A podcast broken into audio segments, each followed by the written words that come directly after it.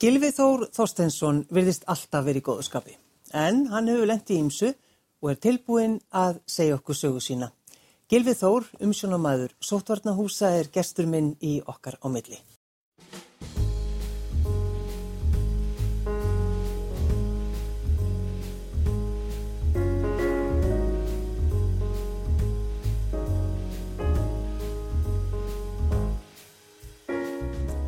Takk fyrir að sitja hjá mér. Takk fyrir að bjóða mér. Ertu alltaf í góðu skapi? Já, ég er það. Það er bara mikil skemmtara. En, en hefur alltaf verið þannig? Já, ég held það. Meir og minna, sko. Uh, auðvitað á ég mín moment, sko, þar sem ég er kannski ekki alveg í, í jafngóðu skapi, mm. en, en það er nú aldrei lengi í einu. Nei. Varstu kátur þegar þú var slítill? Já, mjög kátur, en ég var líka svolítið svona innrætt, var svona, hérna, ég hugsa mikið og þegar ég gerir það þá finnst mér gott að svona fara aðeins inn í mig og, og hugsa. Mm. En hefur það sko, er er það gott fyrir þig að vera reyninu alltaf í svona þokkalega góðskapi þegar þú ert að sjá um sótvarnahúsin?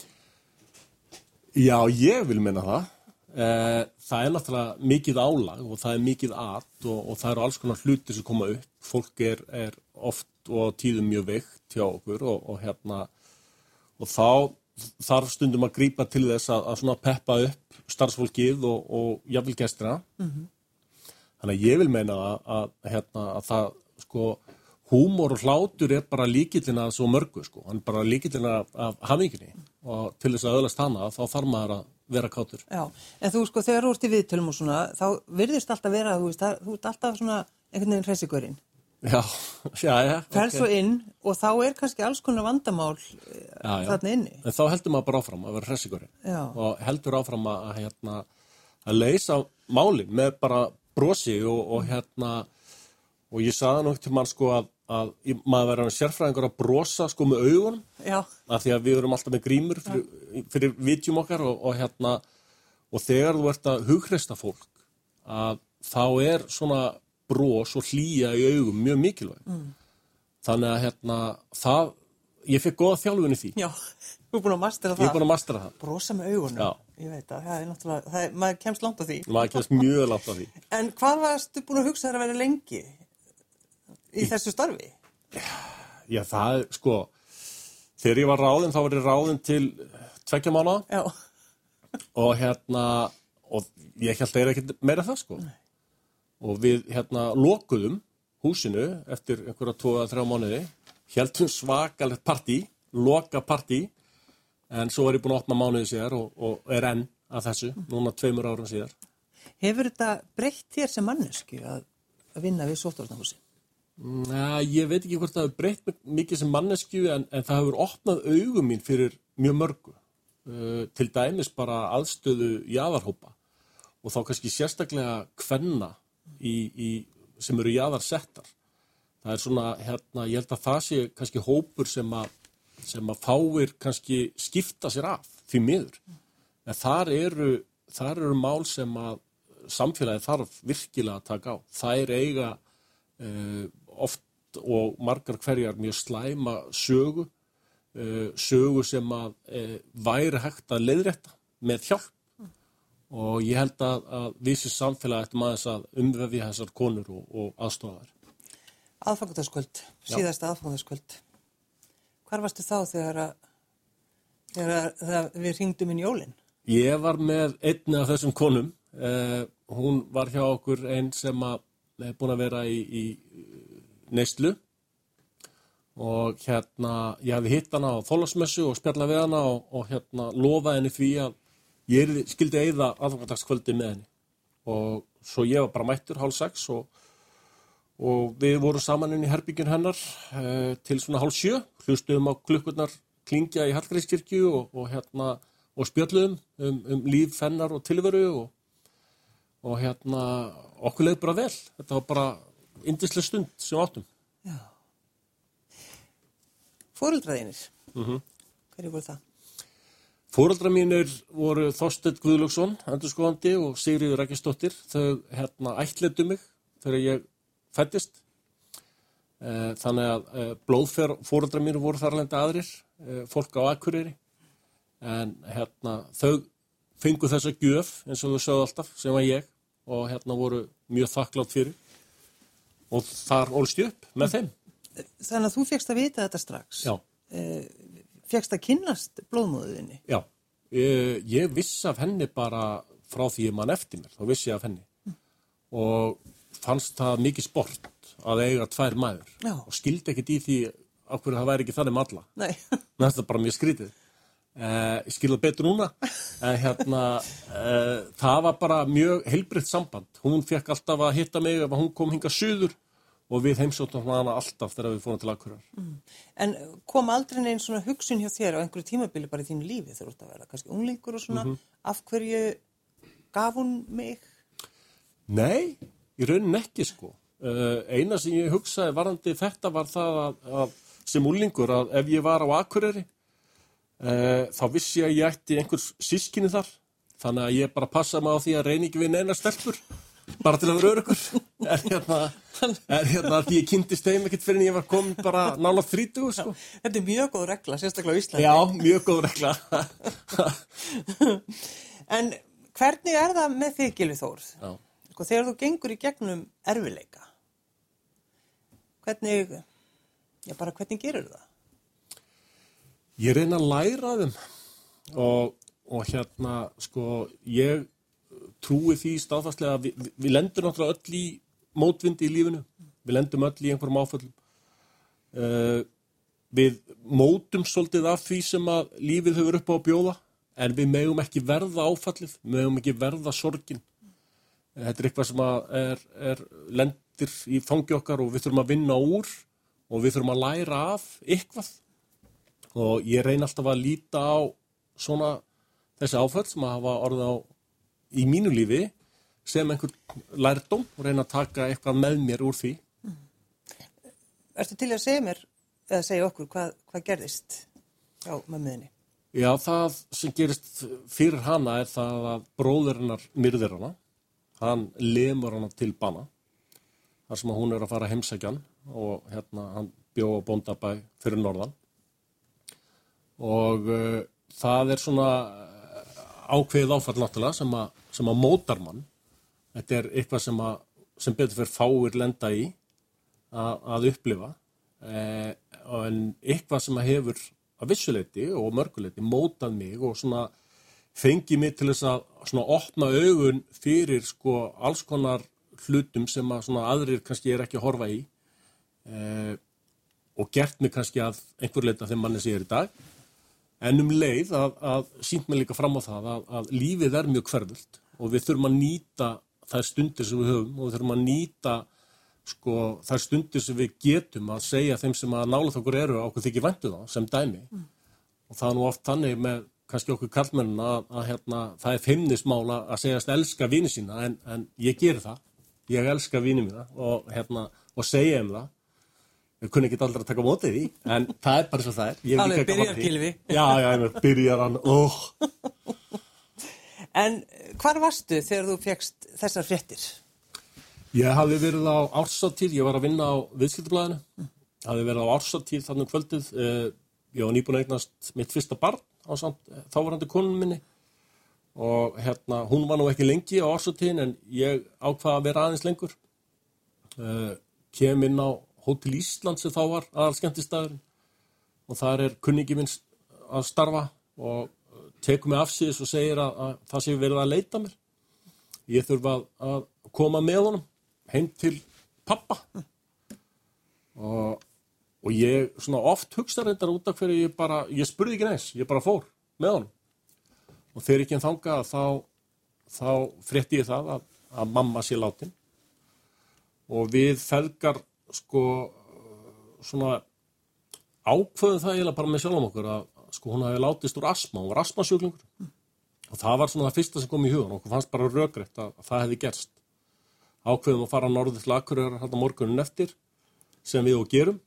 Og þegar við lendum á flugullinum að þá tekur lögreglan á mót okkur þar. Og þeir, hérna við erum náttúrulega svolítið hissa á því en þeir segja að það sé bara eðlilegt þar sem að þetta hafi verið andlátt í heima á sig og þeir fara með okkur upp á lögreglustöð þegar við komum þangað þá er fyrsti maður sem við hittum er, er bróðurinn af mömmu. Þá er hann að koma niður einhverja tröppur hérna og tekur í hendina á okkur og vottar samú sína og, og við tilbaka. Svo fara þeir eitthvað bara með hann og, og hérna pappi fer upp og, og hérna inn í einhver herbyrgi og ég fer í annað herbyrgi í einhvers konar yfirheyslu sem stónu bara mjög stutt yfir hvað mig var þar en, en mun lengur hjá pappa og meðan beð ég bara hérna á einhverju kaffistói hjá lörglunni á Akureyri. Hvað hugsaður þarna? Ég hugsaði vola þar pappa tala mikið. Já. Það var nú bara það sem ég hugsaði. Hann var náttúrulega endurskóðandi og vildi hafa alla hlut á hreinu og ég var svona, þú veist, bara vola þar kallina að tala og svo lóksist kemur hann út. Við förum saman á Hotel Kea og hérna þá er komið að kvöldfréttum á stöðfu. Við kveikjum á því og þá er það fyrsta frétt að, að hérna það hefði verið fram í morð á þessum bæ sem að bróður og mömmu bjó og þá vissum við hvernig hún hefði dáið. Þannig fréttum við það. Þannig að löggan sagði aldrei á þessu tímapunkti Nei. hvað hefði gerst. Nei, þeir voru reynda fljótir, sko bara í minningunni er fréttin enn í loftinu þegar við heyrum sírnur koma að hótelinu og það er hlaupið upp og bankað á hurðina og hérna og þar er yfirlörgul fljótnin sem að býður okkar innilega rafsökunar á þessu en, en segir jáfnframt sko að, að þeir hafi nú vilja vera með alla hluti á hreinu mm. og þetta hafi ekki átt að leka út strax sem að augljóslega það gerði en þannig fréttu við þetta að, að, hérna, að svona hefði farið fyrir henni, blessari. En, en sko, getur þú munað tilfinningarnar hjá ykkur báðum? Þannig eru þið inn í á KEA, herbygginu á KEA og veröldin bara verður aldrei eins. Það er, já, það er svolítið þannig að einhvern veginn stóð bara tíminn kjur. Uh, og við svona, ég man að ég áttaði með ekkert almenna á þessu fyrir að við fengum að fara upp í líkus að kveðjana. Og ég hef aldrei séð hana svona grimma á svipin auðvitað voru á henni áverkar. Uh, en maður svona leitt fram hjá því en svipriðin þau hérna voru bara þess eðlist að þarna hafði eitthvað svakalegt gerst mm. og það eh, tók ég með mér í mörg ár á eftir þessi svipriði og svona þurfti svolítið að svona reyna að loka þess á þá minningu og reyna frekar að kalla fram svona allar góðuminningarnar sé átti eh, en það er svo ekki fyrir bara að við komum heim degi setna hvað það er að, að hérna að ég svona upplifið aðeins að hún sé raunverulega farin og, og þetta hefði verið dánárósíkin. Þá svona upplifið það fyrst sko. En svo, þarna, ertu líka með litla batnið eitt í fanginu, nýfætt. Og mánaða gömul, já. Og það var náttúrulega, hérna, maður náttúrulega misti óneitilega og við, þá hjónin, ungu, missum óneitilega af hérna, þessum fyrstu mánuðum. Sko, hugurinn var annar staðar og, og hérna og uh, einhvern veginn fann maður aldrei sko, hvað þú að segja maður fann aldrei þessa tillökkun að koma heim. Það var óþægilegt að koma heim. Það var óþægilegt að fá allar blómasendingarnar, það var óþægilegt að fá allir símtölin og, og hérna, það, var, það var óþægilegt. Mér varst óþægilegt að tala um þetta lengi vel uh, og, og einhvern veginn svona reyndi maður þarlendi bara svona svolítið að umvefja þetta bann að sér. En samt fannst manni maður ekki geta gefið þær tilfinningar frá sér sem að hún átti og áskilið. En, en hvenar tókstu þá ákvörðun að fara að tala um, um þennan, þennan atbyrð? Það er raun ekkert langt síðan sko. Það má ég alveg segja að það gerir svolítið með e, málinu hennar byrnu. Þá hérna, sko mér fannst þetta einhvern veginn bara eins og allir í kringum með vissu þetta en svo kom nú bara ljóst að ég fór að tala um það að svo var alls ekki en með byrnumálunu að þá fannst mér fjölmjöla umfjöllun oft fara mjög gist, mm. það var að lýsa e, atbyrðum í fjölmjölum sem að e, komi fyrir hana. Og e, þarna voru ættingjar og, og vinir hennar að lesa eitthvað sem að þau vildu ekki heyra. Þau fóru ekki í réttarsalinn af því að þau vildu ekki vita hvernig hennar síðustu stundir voru. Og þá skrifaði henni uppalega langan pistil á Facebook um það að, að hérna að fjölmiðlar þyrtu ekki að fara þessa leið til þess að lýsa því hversu skelvilegt þetta mál var og um leið opnaði þá aðeins á þetta að ég væri að segja þetta af reynslu að því að fjölmiðlum fyllum þegar mamma deyr var, var svipuð eh, það var svona eiginlega í fyrsta sinn sem ég svona einhvern veginn opnaði á þetta sko Hvernig leiðir eftir það?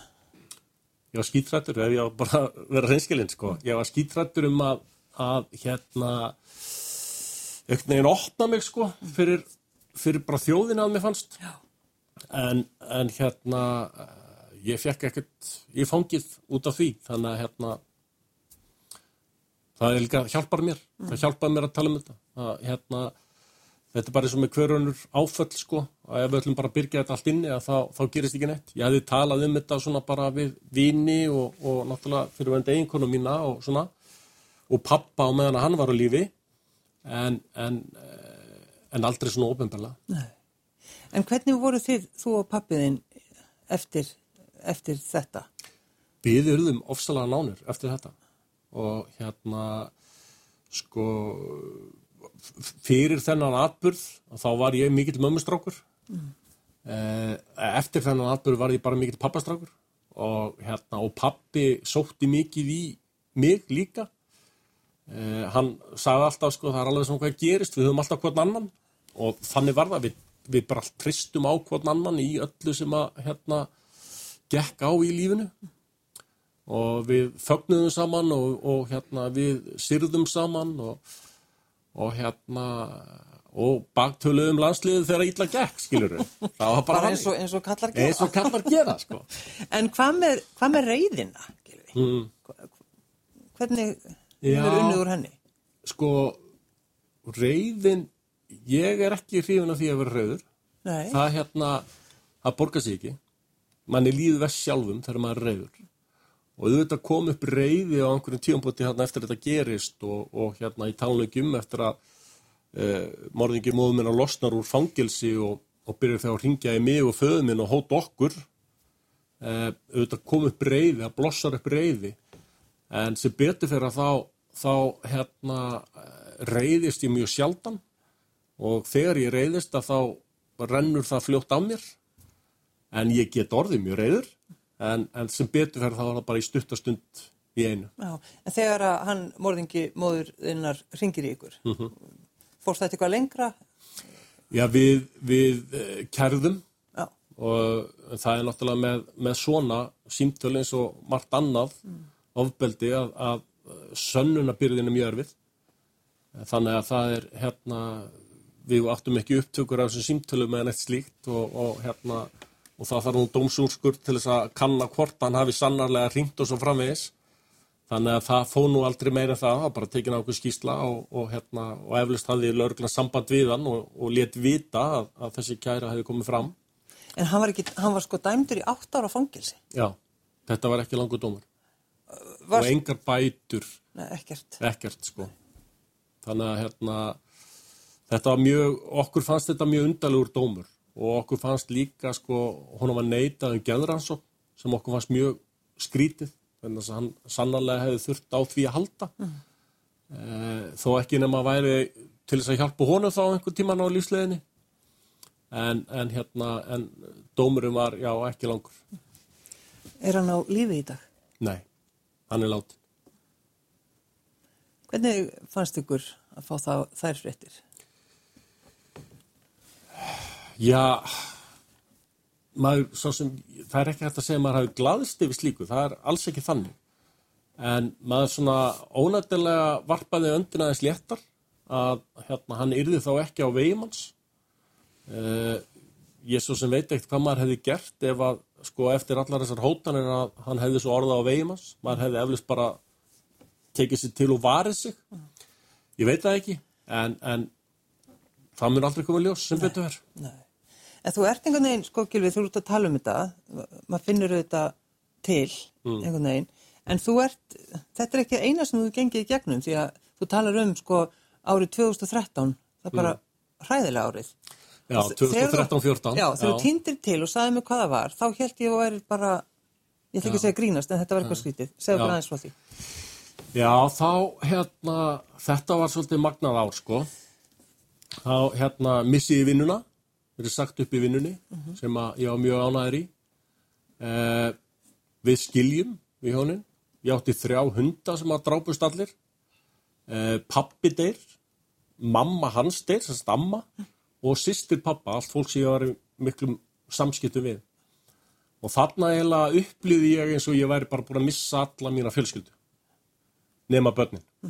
Og nú þyrti ég bara að, að standa mig fyrir börninu mín þrjú. Þetta var mjög erfitt. Ég fannst á, á tíumbili bara hérna, sko, allt væri bara á móti mér, sko. Ég tók þetta einhvern veginn þannig að hérna, ég hlita að hafa gert eitthvað af mér. Það vist allt þetta væri að hella stiðum mig.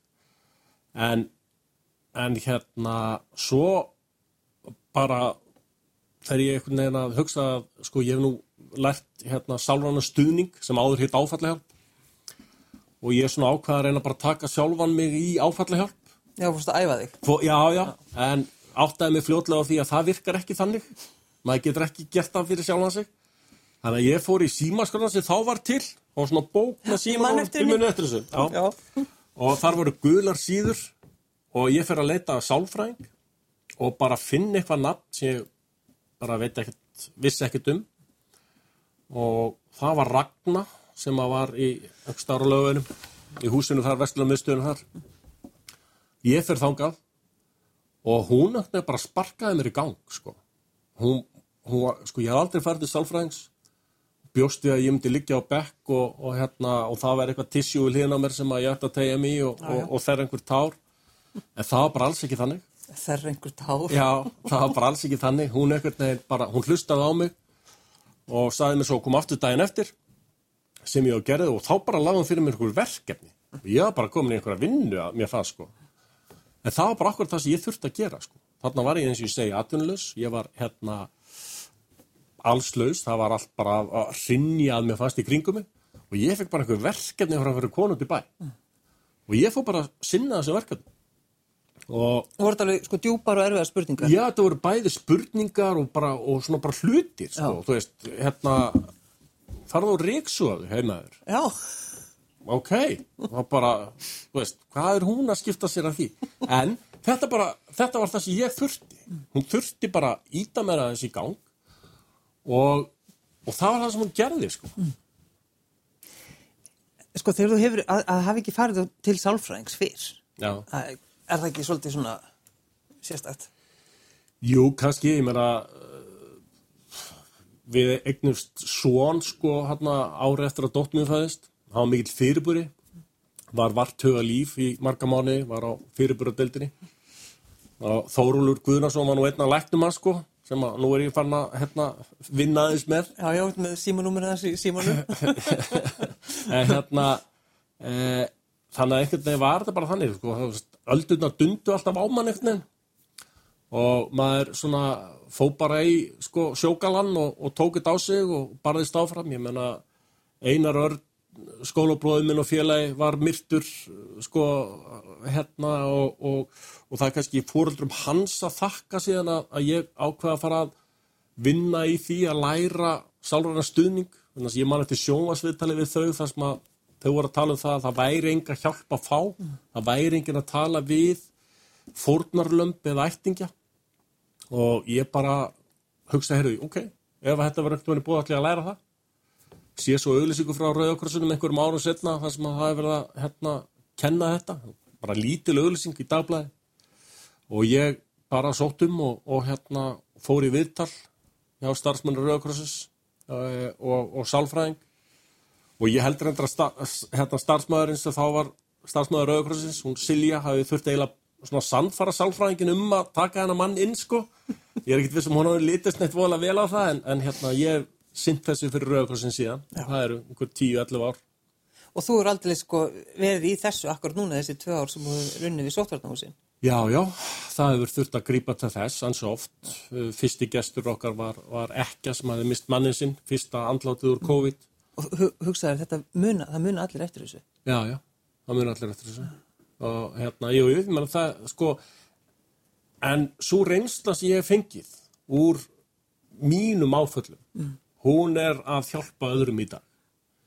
Þannig að, sko, það er eitt af því góða sem maður getur tekið úr þessum hlutum.